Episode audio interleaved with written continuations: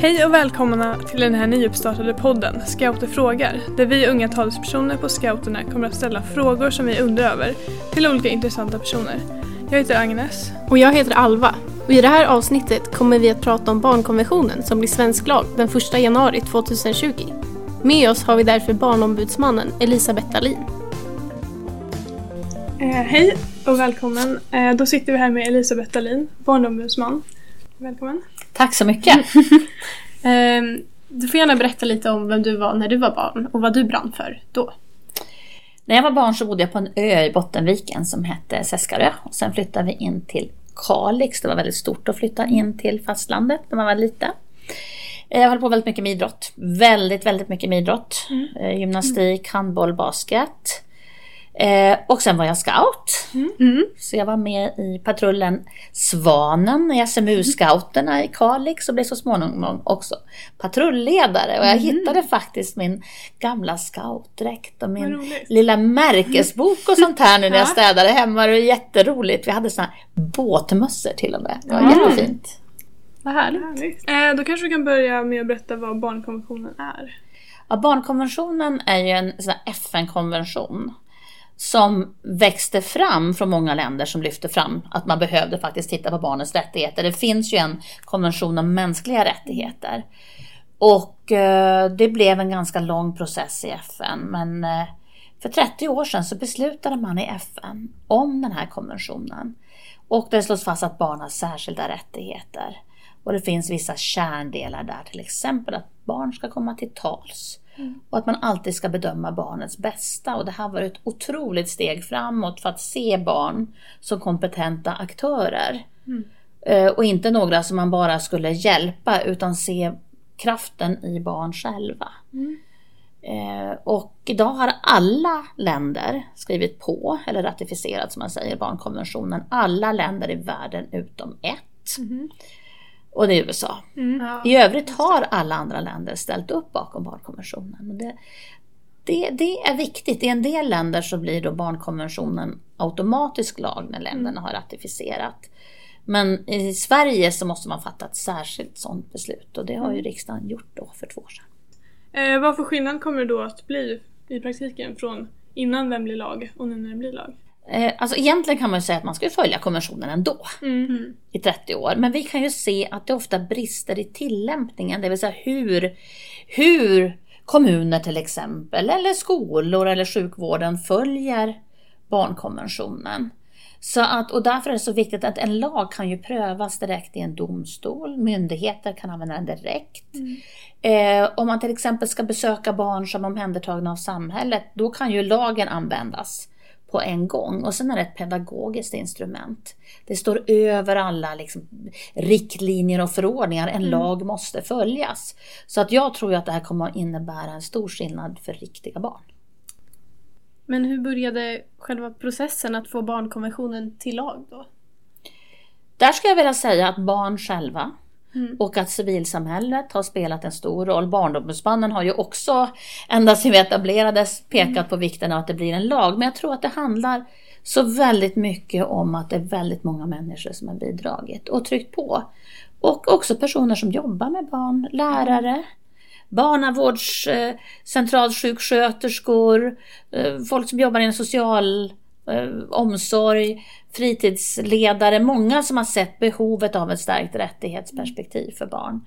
Och som har påverkat de politiska partierna. Och det var ju inte helt säkert när riksdagen skulle rösta att det skulle bli ett ja. Men jag skulle säga att jag, jag tycker vi ska vara stolta i Sverige att vi har så starka folkrörelser som faktiskt trycker på. Verkligen. Och det var likadant med agalagen som ju fyller 40 år i år. Okej. Sverige var först ut i världen och jag skulle vilja säga att utan agalagen hade vi nog inte haft så tydligt barnrättsperspektiv som vi ändå har i Sverige. Det var att hela synen på barn som individer förändrades. På 60-talet, då var det liksom ja, det fanns liksom inga alternativ till att slå barn. Nej. Eh, Så att varannan förälder tyckte då att det var den bästa uppfostringsmetoden. Även, även 79, 1979 när riksdagen fattade beslutet så var ju de flesta i Sverige emot ett sådant beslut. Men man kan titta på attityden har ändrats när det gäller barn. Mm. Jag tror det är väldigt få personer, väldigt få vuxna som skulle sitta på en middag idag och säga att eh, de står sina barn eller mm, kränker sina mm. barn. Och framförallt vet barnen om sina egna rättigheter. Idag är det så konstigt att barn ska utsättas för våld i hemmet så att mm. barn själva reagerar. Och det här visar liksom att attityder går att förändra och det tänker jag också med barnkonventionen. Mm. Och vi var utskrattade i hela världen när Sverige fattade det här beslutet för att hur ska man kunna uppfostra barn utan våld. Mm. Titta idag, det är 67 mm. andra länder som har fattat samma beslut och flera andra är på gång. Mm. Och för första gången är våld mot barn en del av de globala målen. Mm. Så Sverige var först. Jag mm. tänker man, när man pratar barnkonventionen, vi ska inte glömma att vi var först ut också med att förbjuda, förbjuda våld. Men då funderar jag på om alla länder i världen förutom USA har ratificerat heter mm. så, den här eh, barnkonventionen. Men man får slå barn i en del länder fortfarande. Hur går det ihop? Det går inte alls ihop. Nej. Och därför är det så viktigt att driva på arbetet i varje land. Och det, det är så att varje land ska ju vart femte år mm. så ska man bedömas i FNs barnrättskommitté i Genève. Och där är också civilsamhället och barnombudsmännen mm. och många andra internationella organisationer så viktiga för att faktiskt peka på brister i hur man genomför barnkonventionen i olika länder. Att peka på vilka grupper barn som blir utsatta för diskriminering, vilka barn som blir utsatta för våld, att det inte, kanske inte finns annan lagstiftning som stöttar. Så att även där, att, att ha fattat ett beslut mm. och att se till att det genomförs helt ut, då krävs i ett demokratiskt samhälle att alla ligger på. Mm.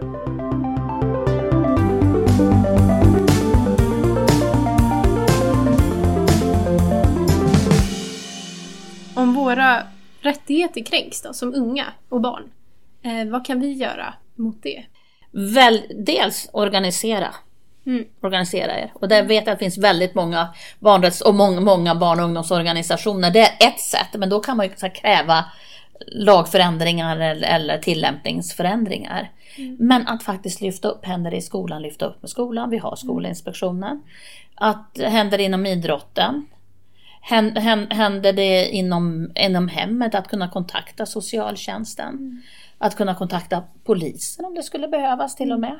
Det är ju väldigt viktigt att alla barn vet vart de ska vända sig. Ett mm. ställe där vi ser en stor brist det är ju när det gäller psykisk ohälsa. Att mm. det är mm. väldigt svårt för många barn och unga att veta vart de ska vända mm. sig. Och därför menar vi att man måste sänka trösklarna. Mm. Det måste finnas lotsar i regionerna. Och på tider som barn själva, när de inte är i skolan, faktiskt kan kontakta. Mm. Och någon som vägleder rätt. Och där man får det man då kallar första linjen, alltså en första bedömning. Mm. För att om man mår dåligt mm. och behöver hjälp och får vänta väldigt länge så kan situationen förvärras. Men ibland kan det kanske hjälpas med några samtal. Mm. Eller så är det någon som mår väldigt dåligt och behöver väldigt mycket hjälp. Och den bedömningen har alla unga rätt till. Så då kan man vända sig till en vuxen som man känner sig trygg med? En vuxen och det kan mm. vara ens föräldrar men det mm. kan också vara en släkting. Det kan, vi har ju många barn som berättar att det finns vissa saker man kanske inte kan prata om mm. med sina föräldrar av olika skäl. Det kan vara en kompis föräldrar, det kan vara en idrottsledare, en scoutledare. Mm. Eh, jag tänker också på, på skolhälsovården. Mm. Att det finns närvaro av skolsköterska eller kurator. Men det ska vara lätt att kunna få någon att prata med som sen kanske kan vägleda en till någon annan som kan hjälpa mer. Mm. Men någonting som vi ofta säger här, anmäl en, hellre en gång för mycket än en gång för lite. Mm. Om någon misstänker att ett barn far illa så måste en anmälan göras till socialtjänsten. Och det kan räcka att man känner i magen att någonting inte är okej. Okay. Mm. Och sen är det socialtjänsten som ska utreda. Men vi, hör, vi möter så många barn som säger varför var det ingen som såg? Mm. Och varför var det ingen som gjorde något? Var kunde ha fått hjälp tidigare? Och vi vet nästan varje gång när det har hänt tragiska saker med barn eller barn har farit väldigt illa.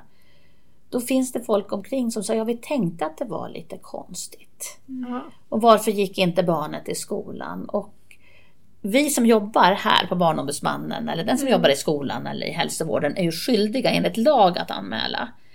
Eh, som privatperson kan man anmäla och få vara anonym. Mm. Och det är så viktigt att se till att barn inte faller mellan stolar. Mm. Mm. Så hellre en gång för mycket Mm. än en gång för lite. Eh, ja men finns det några punkter som ofta bryts mot som vi inte kanske tänker på ingår i barnkonventionen? Ja, det är nog många saker som det bryts på. Inte, oft, inte alltid tror jag för att någon vill göra, vill bryta. Mm, mm. Utan för att det saknas kunskap och kompetens kring barnkonventionen. Men en sån enkel sak som för barn att komma till tals. Mm. Eh, och tänker jag så här nu när det blir lag, att då måste man dokumentera. Mm. För ibland kanske, vi möter ju barn som inte själva har fått berätta utan vid något tillfälle så har man frågat en lärare eller en fritidsledare eller en förskolelärare. Eller föräldrarna. Det kanske finns saker som barnet behöver få berätta självt. Mm. Och barn som har varit med om väldigt svåra saker behöver ju lita på den man ska kunna berätta för. Och då handlar det ju om, i socialtjänsten till exempel, att, att socialsekreterarna får tillräckligt med tid. Och det, men det handlar ju också om skolhälsovården, för alla, alla barn är ju i skolan. Mm. Att det faktiskt finns någon där, som, det finns vuxna i skolan som kan lyssna och lyssna på riktigt. Och jag tror just att det handlar inte bara om att komma till tals. Det handlar om att faktiskt bli lyssnad på. På, på, på riktigt. Det andra är liksom bedömning av barnets bästa i alla beslut. Mm. Eh, barnets bästa behöver inte alltid vara exakt det som barnet vill. Men att, att det har funnits en bedömning om barnets bästa och att man har tänkt klart. Och det är ofta där vi ser att det kan bli bara slentrian som beslut fattas. Och där tror jag det, det är väl de två viktiga. Den tredje som vi behöver påminna oss om hela tiden i Sverige och det är ju om icke-diskriminering. Barnkonventionen gäller alla barn i Sverige som befinner sig i Sverige oavsett vilken status du har, vilken status dina föräldrar har. Om föräldrarna har uppehållstillstånd eller inte eller om, ja överhuvudtaget. Det spelar ingen roll var, var du kommer ifrån eller vilka dina föräldrar är. Rättigheterna gäller likadant för alla barn. Hur kan till exempel scouterna eller andra ideella organisationer bidra till att barnkonventionen efterlevs? Jag skulle vilja säga heder åt scoutrörelsen och många andra. Ni gör ett jättejobb Tack så mycket. för att ligga på. Men jag tänker det här handlar kunskap. Ja. Sprida kunskap och kompetens. Se till att alla, alla som är aktiva i rörelsen känner till barnkonventionen. Och i sin vardag också kan ligga på. För våra demokratiska rättigheter förutsätter ju också att man känner till dem. Mm. Och känner man inte till sina rättigheter så kan man inte ligga på. Så att det, det tycker jag. Och sen tänker jag också den, den fostran som faktiskt scoutrörelsen och andra organisationer gör. Det är ju liksom mor morgondagens beslutsfattare. Att få in ett barnrättsperspektiv. Men jag tänker det handlar också om att våga ifrågasätta. Mm. Och inte minst känna till, upptäcka när det finns luckor. För det, vi kan säga i Sverige har vi väldigt bra, där man säger då nationellt eh, skyddssystem för barn. Det är ju alla de som ska finnas runt barnet.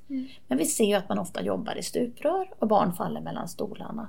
Och där har ju scoutrörelsen en viktig roll också. Att kunna påtala brister. Och sist men inte minst som organisation att vara inkluderande, att det gäller alla barn. Jag tänker det är mycket en, det är en värdegrundsfråga Mm. Ja. som är så oerhört viktig. Hur kan man se till att alla barn som behöver den hjälpen kommer med i samtalet? Till exempel inom en organisation. En oerhört viktig fråga. Jag tänker behöver man ha olika strategier. Det handlar om olika åldersgrupper. Mm. Men det handlar ju också om hur vi alltid ser till att det blir goda samtal. Mm. Att hitta metoder där alla kommer till tals. Mm. Jag kommer själv från Norrbotten och där brukar man säga att ingen ska gå hem opratat. Mm. Men det här att faktiskt hitta sätt att ordna, men det har ju scouten, scouterna också haft så mycket erfarenhet utav att ordna så här goda möten. Mm. Men jag tror där har ju scoutrörelsen också möjlighet att sprida till andra organisationer. Vad kan vi använda för metoder och för sätt? Så att barn verkligen kommer till tals. Jag har själv ett barn med, med funktionshinder och som har varit aktiv i scoutrörelsen. Jag tycker det är helt fantastiskt. Att också se till att även barn som har olika utmaningar blir välkomnade på sina egna villkor. Och sätta de goda exemplen. Så jag har själv varit nu, inte nu längre, men fram tills för några år sedan så var jag scoutmamma i Abrahamsbergskyrkan. Ah, okej. Vilket var fantastiskt tycker jag att få, få vara med och se på allt det fina som scouterna gör och få hem få hem ett barn som kommer hem och luktar gammal brasa efter en natt i skogen och sådär. Det är rätt fantastiskt. Mm. Vad härligt. Eh, och så undrar jag, vad har vuxna för ansvar generellt? Inte bara som förälder utan som vuxen i samhället. Det vilar ett jättetungt ansvar på alla vuxna när det gäller barns rättigheter. Och, och eh, vuxna beslutsfattare, vi- det är ju de vuxna som måste se till att barnkonventionen blir verklighet. Och Sverige är ju lite annorlunda än många andra rika länder som då kallas OECD-länderna. Att så många beslut kring barn och unga tas på kommunal nivå. Och jag skulle säga att det är en möjlighet. För där kan man kanske snabbare genomföra förändringar. Men alla vuxna bär ett ansvar. Alla vuxna bär ett ansvar att se barn. Beslutsfattare har ett särskilt ansvar. Och jag tror att det är viktigt, föräldrarna har ett väldigt viktigt ansvar men generellt i Sverige så är ju föräldrarätten väldigt stark. Och jag hoppas och tror att med barnkonventionen som lag att barnrätten kommer att bli starkare. Och att andra vuxna som inte är föräldrar när, när man ser att barn far illa faktiskt säger ifrån och säger ifrån ordentligt. Mm.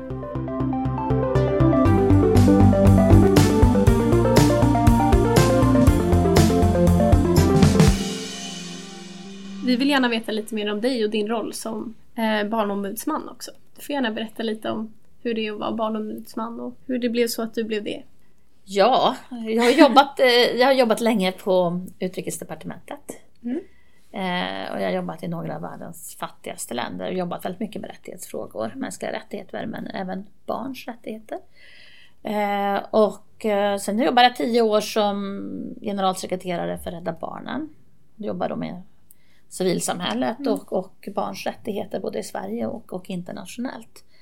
Så att när jag fick frågan om jag ville bli barnombudsman så kändes det som ett fantastiskt fin fråga. Jag blev väldigt glad och stolt. Och ganska naturligt också att kunna fortsätta jobba som, med barnrättsfrågorna. Mm. Och att komma in nu när barnkonventionen blir lag, det är ju rena drömmen. Eh, så att, att jobba här, vi är ju en, vi är Sveriges barnrättsmyndighet. Vi är en svensk myndighet inom statsförvaltningen. Och vi, eh, vårt uppdrag är ju då att se till att barns rättigheter efterlevs enligt barnkonventionen i Sverige. Och när vi ser att det finns luckor så är vi skyldiga att påtala det till, till regeringen då och kunna föreslå olika lagförändringar. Eh, men vi ska också samla kunskap om barn och unga. Då krävs det att vi jobbar med många andra. Men också sprida kunskap om, om barnkonventionen. Sen ska vi följa internationella utvecklingen och där det är viktigt därför att vi kan se även i, i grannländer att det kommer fram förslag om att sänka straffrättsåldern så lågt som till 10 år. Och det är ju väldigt viktigt ur ett barnrättsperspektiv att säga att barnkonventionen gäller till 18. Mm. Så där har vi jobbat mycket på nordisk nivå. Eh, och sen har jag ett uppdrag som jag tror att jag är den enda generaldirektören som har. Och det är att driva opinion och delta i allmänna debatten. Och jag tänker att när det gäller rättighetsfrågorna så måste, måste vi alltid driva opinion kring det. Så att vi är ju oberoende, en oberoende mänsklig rättighets och barnrättsinstitution. Så att regeringen får inte tala om för oss vilka frågor vi ska jobba med. Det väljer vi själva. Däremot så kan vi få uppdrag från regeringen som vi tackar ja till. Men vi är oberoende och, och den delen är väldigt viktig också för, för vår trovärdighet. Men det finns en sak som vi ska göra enligt lag och det är att en gång per år så ska vi tala om för regeringen vad regeringen behöver veta om barn och unga. Och då kommer vi in med det vi då har kallat en årsrapport. Och den vi la fram till regeringen nu i mars i år eh, heter Vem bryr sig? När samhället blir förälder. Och det handlar om alla de barn där samhället har tagit hand om barn. Och vår slutsats är att barn som blir omhändertagna ska alltid få det bättre. Aldrig sämre. Och då har vi intervjuat barn. Barn i familjehem, barn på HVB-hem och de särskilda ungdomshemmen SIS. Vi har gjort en stor enkätundersökning. Och en, vi såg två saker som blev väldigt viktiga i den rapporten. För det första rätten till utbildning. Att många omhändertagna barn överhuvudtaget inte går i skolan eller får långa perioder att vara borta från skolan. Eh, därför att när man har blivit omhänd- många barn har då sagt ja, när jag, när, mina, när jag inte gick till skolan och mina föräldrar inte såg till det, då fick de vite av kommunen. Men de är ganska förvånade nu när man är på ett KVB-hem, att, nej men, eller ett familjehem. Mm. Då är det ingen som tar ansvar. Och det är, så att det är en grundläggande rättighet, för vi vet att för omhändertagna barn, den enskilt viktigaste framgångsfaktorn är att man fått gå ut skolan. Och det andra var barns hälsa. Att hälsan var så dålig hos många barn, mm. inklusive tandhälsan. Mm. Och tandhälsa är en sån här som man säger, indikator på dålig hälsostatus och det tyder ju på att många barn kanske inte ens har gått på treårskontrollen. Mm. Och den här bristen på, på likvärdighet är någonting som bekymrar oss väldigt mycket när det gäller många barn i Sverige. Jag tänkte att du berättade om det här att ni försöker eh, med lagar både nationellt och internationellt. Mm. inte det är väldigt svårt att driva igenom saker, speciellt internationellt? Ja och nej. Vi jobbar ju rätt mycket inom det som heter ENOC, Europeiska barnombudsmannaorganisationen. Och då när vi säger Europa så är det inte EU utan det är Europarådet. Mm. Eh, och där börjar det ske väldigt mycket förändringar. Och jag tror också det här utbytet mellan olika länder. Frankrike har ju till exempel fått flera nya lagar när det gäller barns rättigheter bara senaste året. Eh, i, på, inom Storbritannien så har nu Skottland fattat beslut mot mm. barnaga. Eh, Wales är på gång, Jersey är på gång och även England. Mm, bra. Eh, och det tror jag är resultatet av, av det här nära samarbetet. Det vi också har tittat på när det gäller lagstiftning internationellt och det är bedömning av barnens bästa. Och där har vi från de nordiska länderna drivit fram att det bör vara något som man behöver jobba med i alla länder. Och där, ibland är det inte alltid lagändringar, det är ett annat sätt att arbeta som man behöver få. Men när det gäller svensk lagstiftning så har det kommit många positiva signaler. Kanske på, på grund av att barnkonventionen ska bli lag. Mm. Men barn som har bevittnat våld i hemmet ska ses som brottsoffer i ett nytt lagförslag. Och, och det här är väldigt viktigt för det handlar ju också om återupprättelse för ett barn som har sett en förälder eller sina syskon misshandlas hemma får ju skador både på kort och lång sikt. Mm. Både fysiskt och psykiskt och att då får vi erkänt som brottsoffer. Och att i rättegång få ett eget ombud gör ju att barn kan resa sig och gå vidare. Så det, här, och det är så roligt att det faktiskt finns en majoritet för det redan i mm. riksdagen. Eh, och det är någonting som vi har slagits för väldigt länge, att det ska bli på det sättet. Så att vi ser, det, det är små steg mm. men det går, det går framåt. En annan positiv grej som vi har i Sverige har fått kritik i FN tidigare av att barn inte känner till sina rättigheter så bra mm. i Sverige. Men vi gjorde en mätning i fjol och det visade sig att det är mycket bättre. Mm. Men ju yngre barnen var, ju mer kunde de. Mm. Vilket då säger grattis förskolan, grattis föräldrar. Vad kan man göra då för att sprida det ännu mer, kunskapen? Jag tror att man behöver göra på alla plan. Vi har tagit fram någonting som heter Mina rättigheter. För vi, det blir ju lätt så här om vuxna ska ta fram någonting. Och så bedömer man, jag hör ju ofta andra vuxna säga, men jag vet hur det är att vara barn. Så, nej. Mm. Du var barn på 70 och 60-talet. Det var helt, det går inte att jämföra med att vara barn idag. Mm. Du måste lyssna på de barn som finns nu. Mm. Och vi fick två stora lärdomar. Vi frågade med olika grupper barn då. Om, om ni vill få reda på era rättigheter. Vem frågar ni då? Och då sa vi trodde att det kanske skulle vara Wikipedia eller Fråga en kompis. Mm. Eller kanske föräldrarna. Det var enhälligt skolan. Ja. I en tid av mycket desinformation och falska nyheter så var det väldigt tydligt att det var skolan. Och det andra var, glöm det här med någon hemsida som man ska besöka och leta på. Vi vill ha någonting för smartphones. Mm. Eller olika typer av plattor. Mm. Och vi kommer att googla efter mina rättigheter. Så därför har vi tagit fram ett verktyg som heter Mina rättigheter. Mm. Och den, den kan alla använda, och inte minst folkrörelserna och rättighetsorganisationerna. Den, den, är, den är från 0 till 18 år mm. och för olika åldersgrupper och också anpassad för barn med olika funktionshinder. Så att den är syntolkad, den är teckentolkad och då är det inte Melodifestivals teckentolkad i ett hörn utan det är i mitten som man mm. läser. Och också anpassad för, för barn med olika funktionsvariationer när det gäller eh, NPF-diagnoser. Eh, och där finns en trevlig liten bot mm. som heter Bobot. Som man kan ställa frågor om kring barnkonventionen.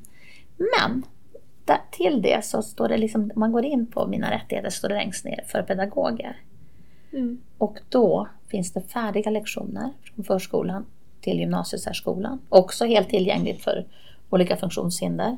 Men i olika ämnen. Så det är liksom det är matte, det är idrott, det är bild, eh, kemi. Och färdiga lektioner som följer ämnesplan och läroplan. Så det ska vara lätt att ta in i skolan. Hur gör vi då för att skolan ska ta in den? Fråga. Fråga. Och lägg på, nej men jag tror att det här kan ju vara ett väldigt hjälpmedel för lärare också. För att eftersom det följer läroplan och ämnesplan. Absolut. Så blir det inte något sånt där extra konstigt. För jag tror att det är så viktigt nu när barnkonventionen blir lag. Det är ingenting som bara händer nästa år. Det måste liksom in i vanliga verksamheten. Och vi behöver se till att barn kontinuerligt får kunskap om sina rättigheter. För annars kan man inte kräva dem. Var kan man hitta den här? Det är bara att googla på mina rättigheter.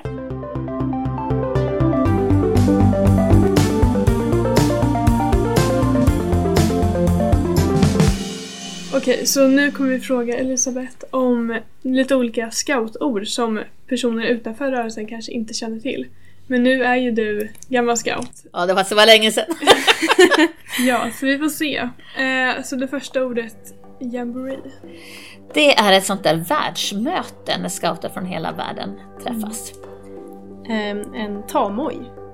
Den är lite klurig, Tamoj? Eller tamoj som... som vissa säger. Ja. Nej, den gick jag bet på.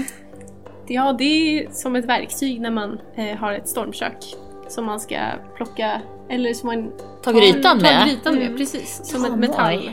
Ja, det vet jag vad det är, Ja, men jag visste inte att den hette så. Precis. ja. Eh, hajkbomb.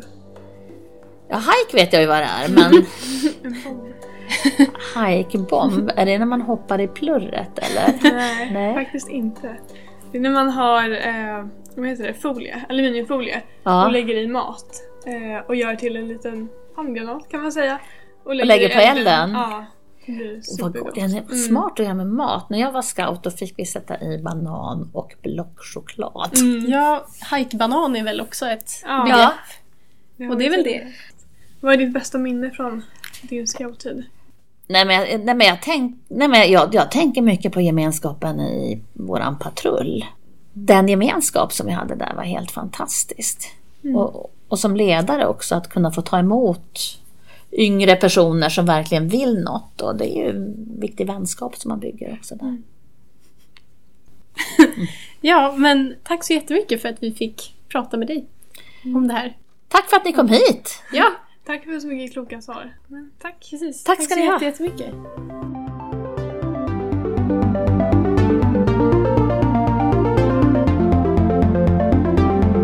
Den här podden är gjord av Scouterna. Musiken i podden kommer från filmmusic.io och är skriven av Kevin MacLeod. Den har vi använt enligt Creative Commons-licensen Creative Commons erkännande. Mer om det kan ni läsa i beskrivningen av podden.